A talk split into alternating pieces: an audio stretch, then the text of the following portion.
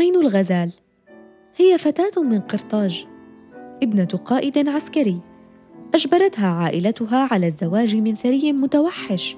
لكن عين الغزال وقعت في حب معلم المدرسة.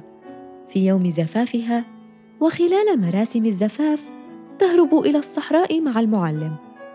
ويبدأ فرسان والدها بالبحث عنها. وجدوها حيث اختبأت. فقبضوا عليها وعلى الشاب الذي هربت معه. فقتلوه. ثم قتلوا عين الغزال. وهكذا تنتهي قصة الدراما التونسية الرومانسية. عين الغزال. الفيلم الذي عرض وجهة نظر تجسدها بطلة شجاعة. تواجه مصيرها وتبتعد عن عائلتها بملء إرادتها. فتنتهي حكايتها. وتبدأ حكاية كاتبة الفيلم وبطلته.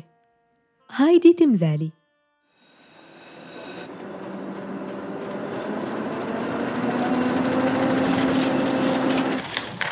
عنب بلدي. بودكاست. لا أريد حياة هادئة وسهلة. أريد أن أقاتل وأكافح وأجاهد. هذا ما قالته هايدي عام 1918 كانت ما تزال طفلة. قالتها في أثناء مشاهدتها للفتيات اللواتي خرجن في نزهة يوم العطلة الأسبوعية في تونس. يؤدين الأنشطة الروتينية. حينها شعرت أنها ترغب بشيء مختلف. يكسر القواعد ويخرجها عن المألوف. هايدي ابنة عائلة يهودية في تونس. كانت تميل إلى الكتابة بالرغم من ميل والدتها لتعليمها الموسيقى.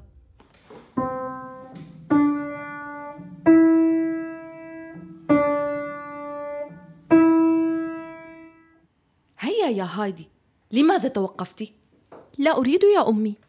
إن دروس البيانو هذه مملة جدا. تحدثنا بهذا الموضوع مرارا. هذه الدروس ضرورية وستنفعك في المستقبل. أريد أن أرى أبي وأجلس معه. سأذهب لأحدثه عن القصة التي كتبتها اليوم. تتذرعين بوالدك يا شقية. لم يأتي بعد.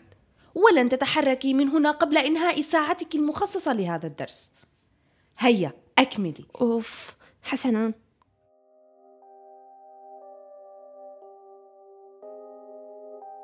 والدتها كانت موسيقية وأرادت لهايدي أن تتعلم العزف على البيانو لتكون مثلها.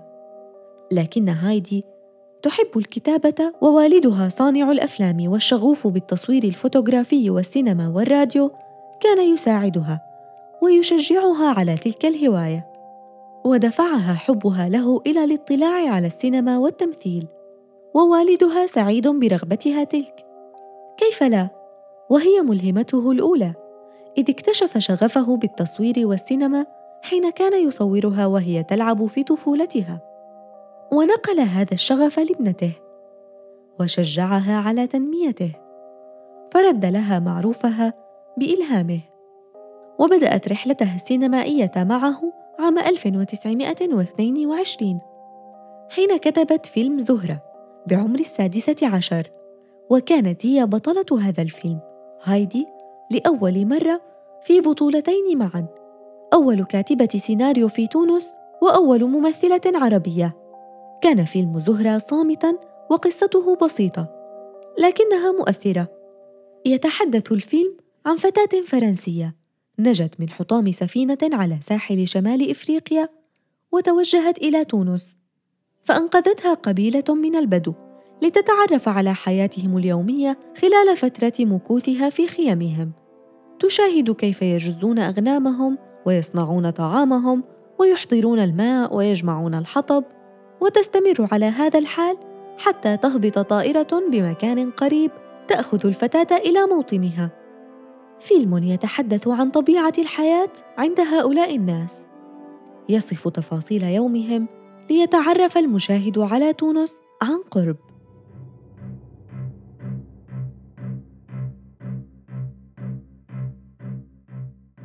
فرصة أخرى.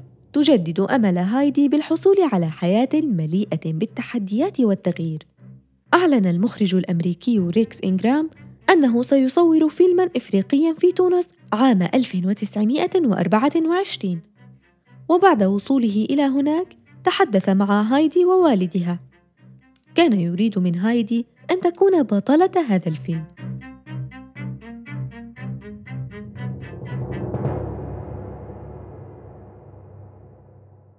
أعتقد أنك أحببت فكرة الفيلم الذي سأخرجه. بالطبع فيلم مميز وفكرته جيدة. إذا أريد أن أطلب منك السماح لي بضم ابنتك هايدي لفريق تمثيل هذا الفيلم. مم. وما هي تفاصيل العقد الذي ستوقعه ابنتي معك؟ ستواصل حياتها المهنية كممثلة ستلعب دورا إلى جانب بطل الفيلم. أريد تفاصيل أكثر. كم هي مدة العقد؟ حسنا يا سيدي. مدة العقد خمس سنوات. بما في ذلك رسوم السفر والإقامة في هوليوود أعتقد أنها هوليوود كلمة كافية لقبول هذا العرض. أعتذر منك. أنت مخرج كبير ورأيك بابنتي يحترم. لكن لا أستطيع قبول عرض كهذا. لكن أبنتك ستحصل على أموال كثيرة. ستكفيها لتعيش هنا سنوات بكل رفاهية. لا أقبل العرض الذي يبعد ابنتي عني. أنا أعمل هنا في تونس ولن أسمح بهذا. والد هايدي منعها من الذهاب إلى هوليوود وفاتتها فرصة أن تكون ممثلة معروفة وعالمية. وحين فوتت تلك الفرصة شعرت بالحزن الشديد ولامت والدها كثيرا لأنه السبب بتفويت فرصة كهذه عليها. فواصلت حياتها المهنية ككاتبة للسيناريو. وتجربة فيلم زهرة وعين الغزال تجربتين يتيمتين. لم تصور هايدي غيرهما في السينما التونسية الصامتة التي تتحدث عن ظروف المرأة التونسية والمجتمع التونسي. واستمرت بالكتابة. لكن هذه المرة استلمت عمودا في صحيفة فرنسية لمدة سنة كاملة تكتب فيها مواضيع اجتماعية وعن السينما ومواضيع أخرى عديدة.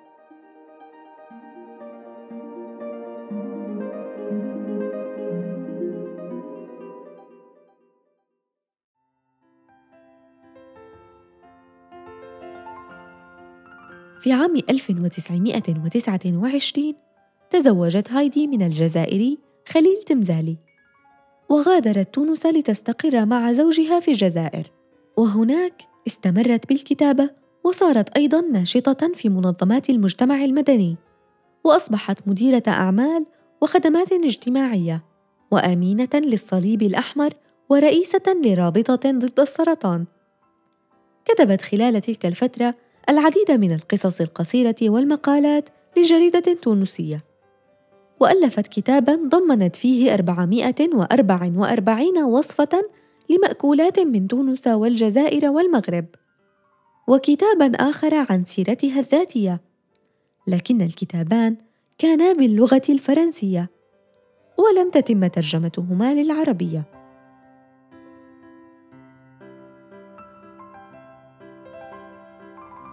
لم تترك حلمها بالتمثيل وحين عرض عليها المخرج فريد بوغادير التمثيل بفيلم من إخراجه وافقت على الفور. كان هذا عام 1996 وفعلا حققت هايدي حلمها بالتمثيل في فيلم حلق الوادي. وبذلك تكون هايدي أول ممثلة في تونس تفتح الباب للمواهب النسائية بدخول عالم السينما. إذ كانت منذ صغرها ترغب بشيء مختلف. حين كانت المرأة في تونس لا تملك أي سلطة ولا يمكنها إبداء رأيها في القضايا العامة. حتى إرسال الفتيات إلى المدرسة لم يكن شيئا محبذا ولا يمكن للمرأة الخروج من المنزل والعمل براحتها. لكن هايدي قفزت فوق كل هذا ورسمت حياتها كما أرادت مليئة بالكفاح.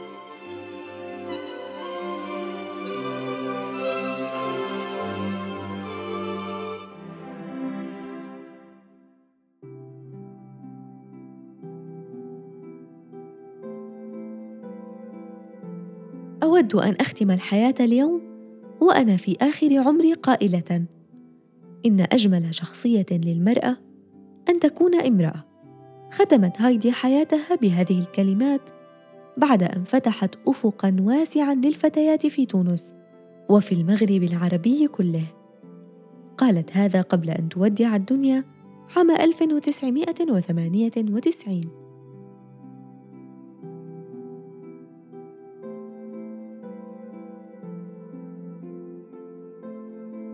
استمعتم إلى بودكاست نساء من عنب بلدي. أعددت هذه الحلقة وقدمتها. أنا سكين المهدي. نحن موجودون على أبل بودكاست، جوجل بودكاست وساوند كلاود